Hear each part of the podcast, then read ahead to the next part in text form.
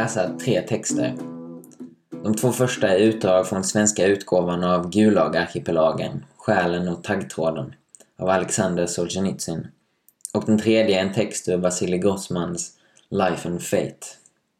Första texten är från Solzhenitsyns egen lägertid i Sovjetunionens arbetsläger, det så kallade Gulag-fängelsesystemet.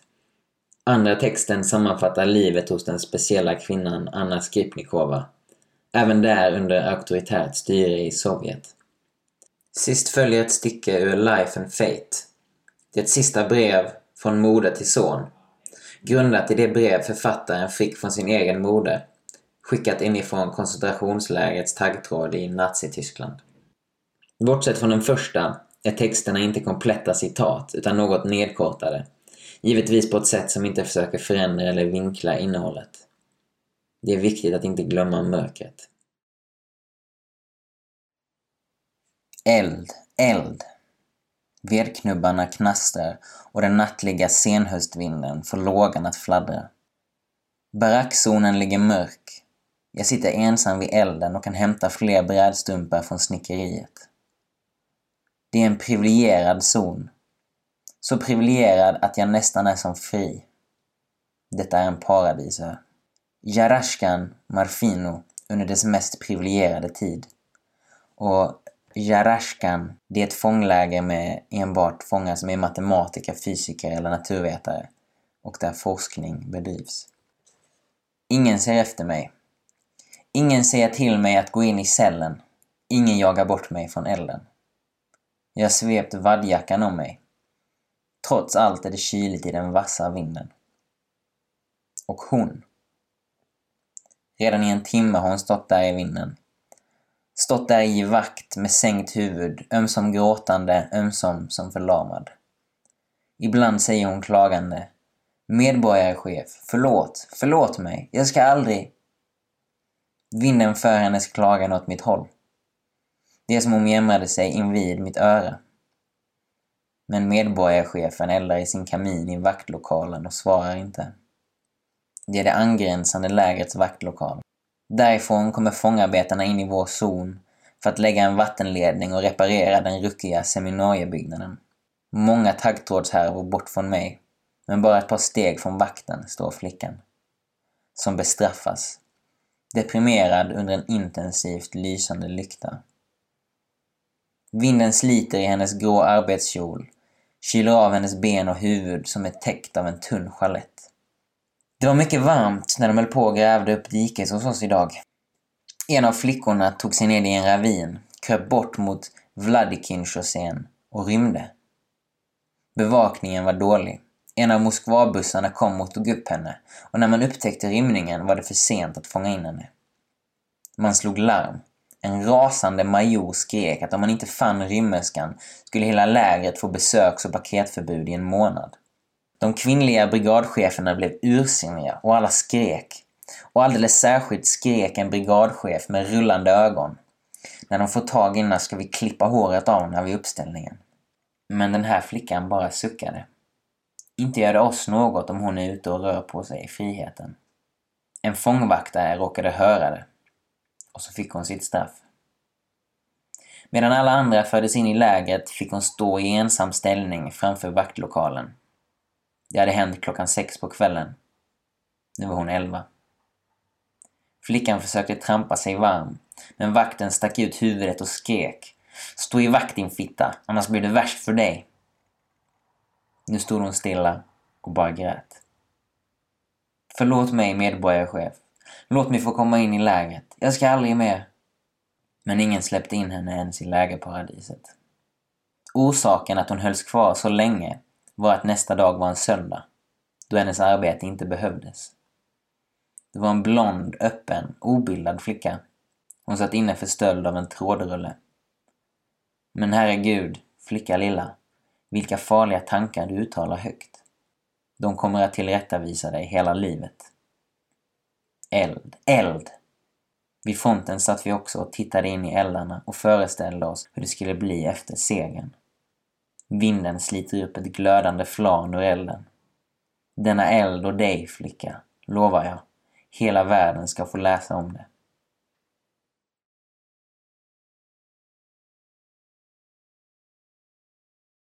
Anna Skripnikova. Hon föddes 1896 som enda dotter till en enkel arbetare i Majkop. Som vi redan vet av partihistoria var alla utbildningsvägar spärrade för henne under den fördömda tsarregimen och hon var predestinerad till ett halvsvultet slavinneliv. Så blev det faktiskt för henne. Fast efter revolutionen. Innan dess gick hon på gymnasiet i Majkop. Anna växte upp och blev en kraftig flicka med ett stort huvud. En väninna i gymnasiet gjorde en teckning av henne bestående av enbart ringar. Huvudet som en boll runt från alla håll. Rund panna, runda, ständigt villrådiga ögon. Örsnibbarna var fastvuxna vid kinderna och avrundade där. Också skuldrorna var runda och kroppen, kroppen var som ett klot. Anna började fundera allt för tidigt. Redan i tredje klass bad hon lärarinnan om böcker av Dobroljubov. Det var en litteraturkritiker och revolutionär. Och Dostojevskij i gymnasiebiblioteket. Lärarinnan blev upprörd. Det där är du för ung för. Ja, är det så att ni inte vill så kan jag låna den på stadsbiblioteket. Vid 13 års ålder hade hon emanciperat sig från Gud och slutat tro. 15 år gammal läste hon intensivt kyrkofäderna, uteslutande för att på lektionerna ursinnigt säga emot prästen till klasskamraternas allmänna förnöjelse. För övrigt hade hon gjort schismatikernas ståndaktighet till ett mönster. Hon lärde sig att det är bättre att dö än att låta den andliga kärnan krossas. 1917 reste hon till Moskva och kom in på Chaplygins högre kvinnokurser i filosofi och psykologi. Som guldmedaljör fick hon stipendium från stadsduman före oktoberrevolutionen. Hennes fakultet utbildade gymnasielärare i logik och psykologi. Hela år 1918, då hon försörjde sig på att ge lektioner, ägnade hon åt psykoanalys. Hon var nog fortfarande ateist, men med hela sin själ upplevde hon hur röken stilla svävar över brinnande rosor från universums levande altare. Hon hann med att dyrka Giordano Brunos och Tjutjevs poetiska filosofi och räknade sig rent av en tid som östkatolik. Hon skiftade ivrig tro, kanske rent av oftare än hon bytte klänning. Dessutom betraktade hon sig som socialist och ansåg att upprorens och inbördeskrigets blod var oundvikligt. Men hon kunde inte förlika sig med terrorn Demokrati, men inte grymhet. Må händerna vara nedsölade av blod, men inte besudlade. Mot slutet av 1918 måste hon sluta kurserna och tog sig med svårighet hem till föräldrarna, där det fanns lite mer föda.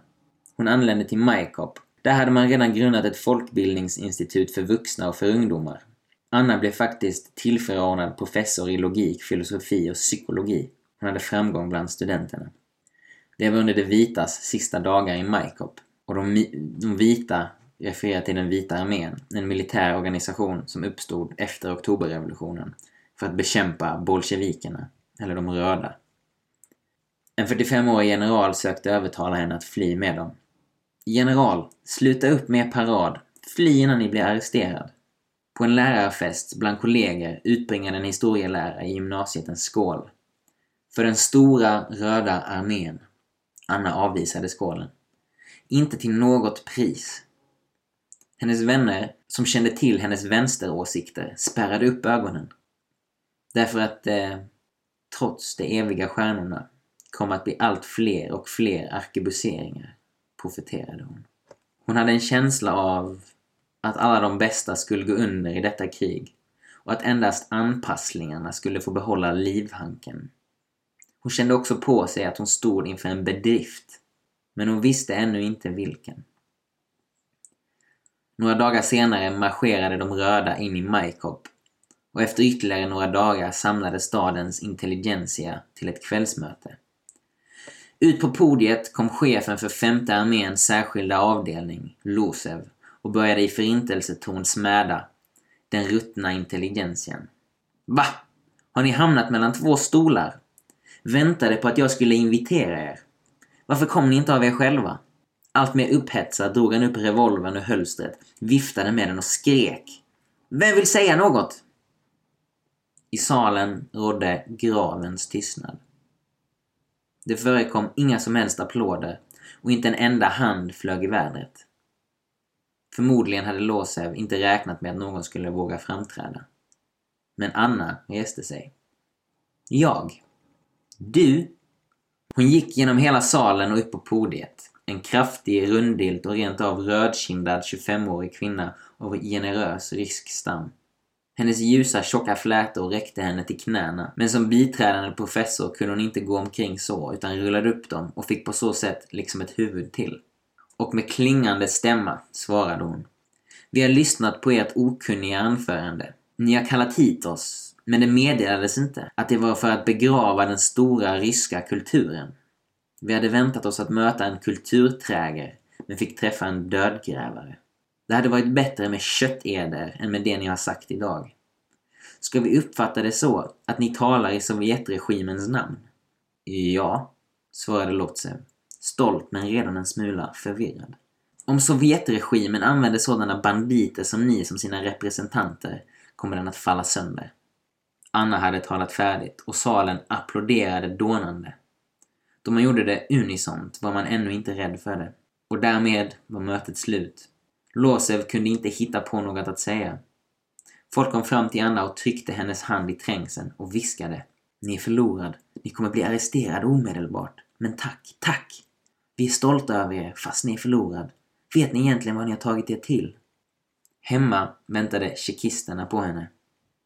Kamrat lärarinna, vad påvert du har det. Ett bord, två stolar, en säng. Finns ju ingenting att undersöka. Någon som du har vi ännu inte arresterat. Och din far är arbetare. Hur har du kunnat övergå till bourgeoisien fast du är så fattig? Kekan hade ännu inte hunnit få något högkvarter och Anna fördes in på ett rum i särskilda avdelningens kansli. Kekan är då sovjetiska säkerhetsunderrättelsetjänsten och tjeckister är de som jobbar för den. Där satt redan den vitgardistiska översten, baron Bildering, inspärrad. Anna blev vittne till hur han förhördes och dog och senare berättade hon för hans hustru. Han dog ärligt. Ni kan vara stolt över honom. Hon fördes till ett förhör i det rum där Låsev bodde och arbetade. Då hon kom in satt han på sin obäddade säng i ridbyxor och uppknäppt underskjorta och kliade sig på bröstet. Ögonblickligen sade Anna med bestämd röst till eskortsoldaten. För mig tillbaka. Losev visade tänderna. Låt gå. Jag ska bara tvätta mig och ta på mina glaséhandskar som man har på sig när man gör revolution. I en vecka väntade hon extatiskt på sin dödsdom. Skripnikova minns det rent av som den ljusaste veckan i sitt liv. Det var den extas själen belönas med då den blivit kvitt alla förhoppningar om en möjlig räddning och med övertygelse hänger sig åt bedriften. Kärleken till livet förstör denna extas. Hon visste ännu inte att intelligentian i staden hade lämnat in en petition som krävde att hon benådades. Mot slutet av 20-talet hade det inte hjälpt. I början av 30-talet skulle ingen ens ha vågat. Låsev började bli försonligare under förhören. Trots alla städer jag intagit har jag aldrig träffat ett sådant galet fruntimmer. Staden är i belägringstillstånd och all makt ligger i mina händer och så kallar du mig för den ryska kulturens dödgrävare. Nåja, låt gå. Vi överilade oss båda två. Ta tillbaka det där med bandit och huligan. Nej, det anser jag fortfarande att ni är. Från morgon till kväll kommer det folk rännande och tigger och ber för dig. Så här under Sovjetregimens smekmånad blir jag väl tvungen att släppa dig. Hon frigavs. Inte därför att man ansåg hennes framträdande som ofarligt, utan därför att hon var dotter till en arbetare. En läkaredotter skulle inte ha förlåtits detta. Själv arresterades Låsev 1920 för banditism och våldtäkt på Krim. Så började Skripnikovas väg genom fängelserna. 1922 spärrades hon in hos Tjekan i Krasnodar och tillbringade åtta månader där på grund av bekantskap med misstänkt person. I detta fängelse grasserade tyfusen i fångträngseln. Brödportionerna var en åttondels skålpund, 50 gram. För övrigt inte ens av ren säd. I hennes åsyn svalt ett spädbarn ihjäl i en grannkvinnas famn. Och Anna svor på att aldrig skaffa sig något barn under en sådan socialism. Aldrig falla för moderskapets frestelse. Denna ed höll hon. Hon levde hela sitt liv utan familj. Hennes olycka var omedgörligheten, som flera gånger resulterade i att hon återvände till fängelset. Så började ett skenbart fridfullt liv. 1923 reste Skripnikova till Moskva för att söka inträde vid Moskva-universitetets psykologiska institution. När hon fyllde i personblanketten skrev hon ”icke-marxist”. De som skulle bedöma hennes inträdesprov rådde henne välvilligt. Är ni galen? Vem skriver något sådant? Förklara att ni är marxist. Sen får ni tycka vad som helst. Men jag vill inte lura Sovjetregimen. Jag har helt enkelt inte läst Marx. Så mycket större anledning då. Nej. Först när jag studerat marxismen och om jag accepterar den. Och tills dess fick hon undervisa i en skola för efterblivna. 1925 gömde sig mannen till hennes bästa väninna, en socialrevolutionär, för att undgå arrestering. För att tvinga honom att återvända tog GPU gisslan, hustrun och hennes väninna, det vill säga Anna. GPU är då en falang av den ryska underrättelsetjänsten. Rundhylt och kraftig och med flätor som räckte till knäna steg hon in i cellen i Lubjanka. Den här gången satt hon in i en månad. 1927 arresterades Anna för fjärde gången som medlem av en musikalisk lärar och arbetarförening som skulle krossas som ett potentiellt fritänkarnäste. Hon fick fem år och avtjänade dem i Solovetsk och vid Vita havskanalen. Och bara för att nämna... Det var inga trevliga fängelser det här. Lubjanka, Solovetsk och Vita havskanalen är några av de, de hemskare arbetslägren. Efter 1932 dröjde det innan de rörde henne. Tydligen var hon försiktigare. 1948 började man emellertid avskeda henne från olika arbeten. 1950 underkände Psykologiska institutet hennes redan antagna avhandling Dobroljubovs psykologiska uppfattning med motiveringen att hon 1927 dömts enligt artikel 58. I denna för henne svåra tid, hon hade varit arbetslös i drygt tre år, räckte säkerhetstjänsten henne en hjälpande hand. Till Vladikavkaz anlände som centrala statssäkerhetsministrets befullmäktigade en viss Lissov, alias Losev. Levde han? Och hur liten förändring av bokstäverna. Bara för att inte sticka fram huvudet lika öppet som en los, älg på ryska, utan försiktigt som en lisa, räv. Och han föreslog henne samarbete. Och som lön för mödan skulle hon få arbeta och få försvara sin avhandling. Stolt vägrade hon. Då skrev han helt behändigt ihop en anklagelse mot henne för att hon 11 år tidigare, 1941, hade sagt att vi var dåligt förberedda för kriget, att de tyska trupperna stod vid vår gräns men att vi skickade spannmål till dem. Nu fick hon tio år och hamnade i specialläger.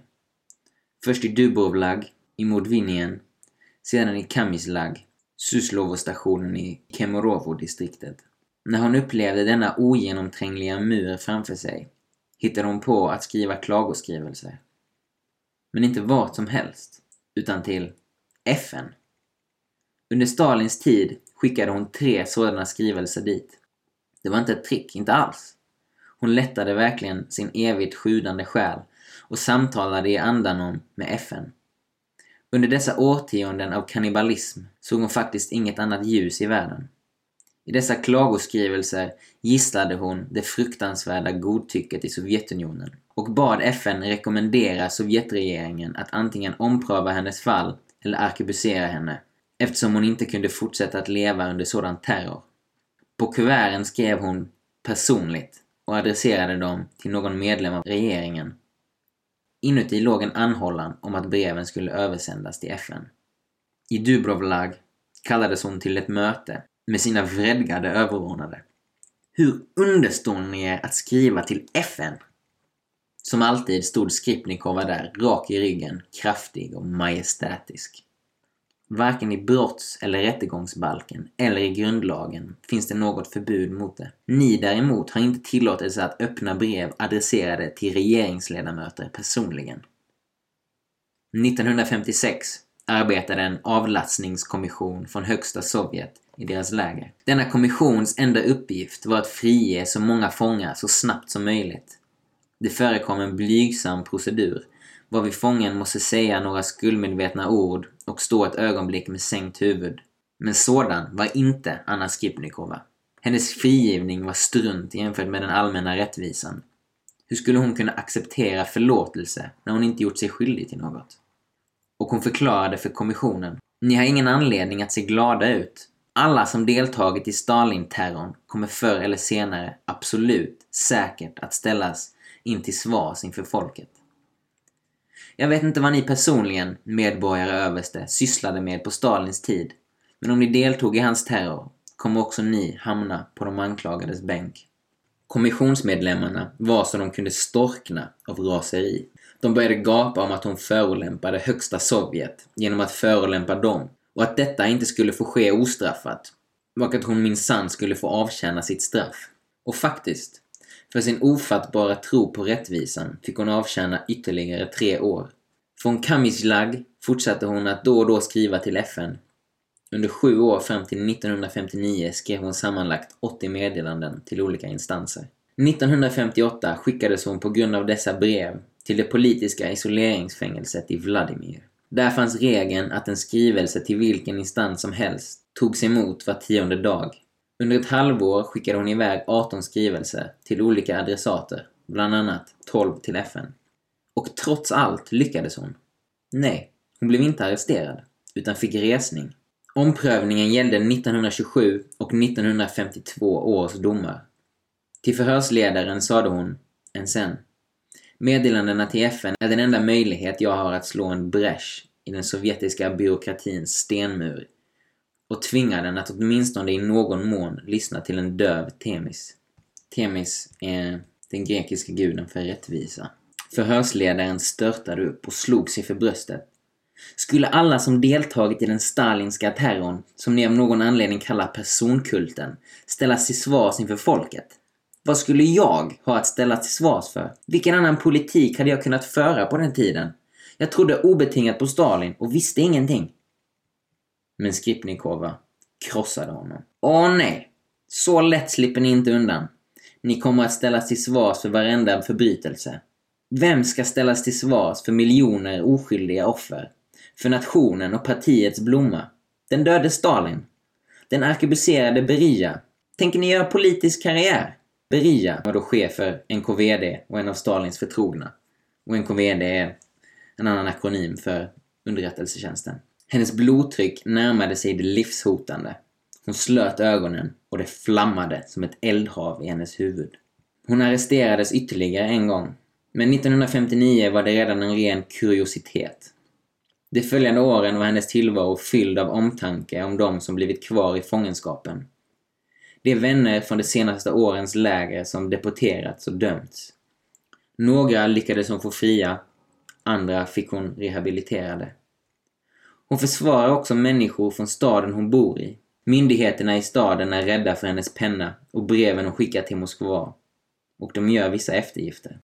Om alla bara varit fjärdedelen så oförsonliga som Anna Skripnikova hade Rysslands historia blivit en annan.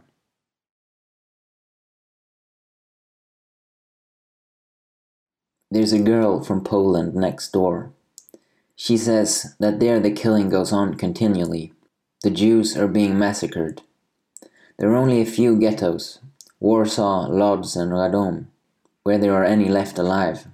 When I thought about all this, it seemed quite clear that we've been gathered here not to be preserved, like the bison in the Białowieska forest, but to be slaughtered. Our turn will come in a week or two, according to plan. But just imagine. I still go on seeing patients and saying, Now bath your eye regularly with the lotion, and it will be better in two weeks or three weeks. I am taking care of one old man whose cataract it will be possible to remove in six months or a year. I give Yura French lessons and get quite upset at his bad pronunciation. Meanwhile, the Germans burst into people's houses and steal. Sentries amuse themselves by shooting children from behind the barbed wire, and more and more people confirm that any day now our fate will be decided. It seems that nowhere is there so much hope as in the ghetto. The world is full of events, and all these events have the same meaning and the same purpose the salvation of the Jews. What a wealth of hope! And the source of all these hopes is one and the same the life instinct itself, blindly rebelling against the terrible fact that we must all perish without trace. I look around myself and simply can't believe it. Can we really, all of us, already be condemned, about to be executed? The hairdressers, the cobblers, the tailors, the doctors, the stove repairers are still working. A little maternity home has even been opened, or rather, the semblance of one. People do their washing, linen dries on the line, meals are prepared. The children have been going to school since the 1st of September. The mothers question the teachers about their children's marks. Night is a special time in the ghetto. Vitya. You know, my dearest, how I always taught you to tell the truth. A son must always tell the truth to his mother. But then, so must a mother tell the truth to her son. Don't imagine, Vityenka, that your mother's a strong woman. I'm weak. I'm afraid of pain and I'm terrified to sit down in the dentist's chair. As a child, I was afraid of darkness and thunder. As an old woman, I've been afraid of illness and loneliness. I've been afraid that if I fall ill, I won't be able to go back to work again. That I'll become a burden to you and that you'll make me feel it. I've been afraid of the war. Now, Vitya, I'm seized at night by a horror that makes my heart grow numb. I'm about to die. I want to call out to you for help. When you were a child, you used to run to me for protection. Now, in moments of weakness, I want to hide my head on your knees. I want you to be strong and wise. I want you to protect and defend me. I'm not always strong in spirit, Vitya. I can be weak too. I often think about suicide. But something holds me back. Some weakness or strength or irrational hope. But enough of that. I have dreams every night. I often see my mother and talk to her. Last night I dreamed of Sasha Shaposhnikova during our years in Paris.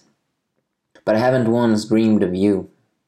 Though I think of you often even at moments of the most terrible distress. In the morning, I wake up and look at the ceiling. Then I remember that the Germans are on our land, and I'm a leper. And it's as though I haven't woken up at all, but have just fallen asleep and begun to dream.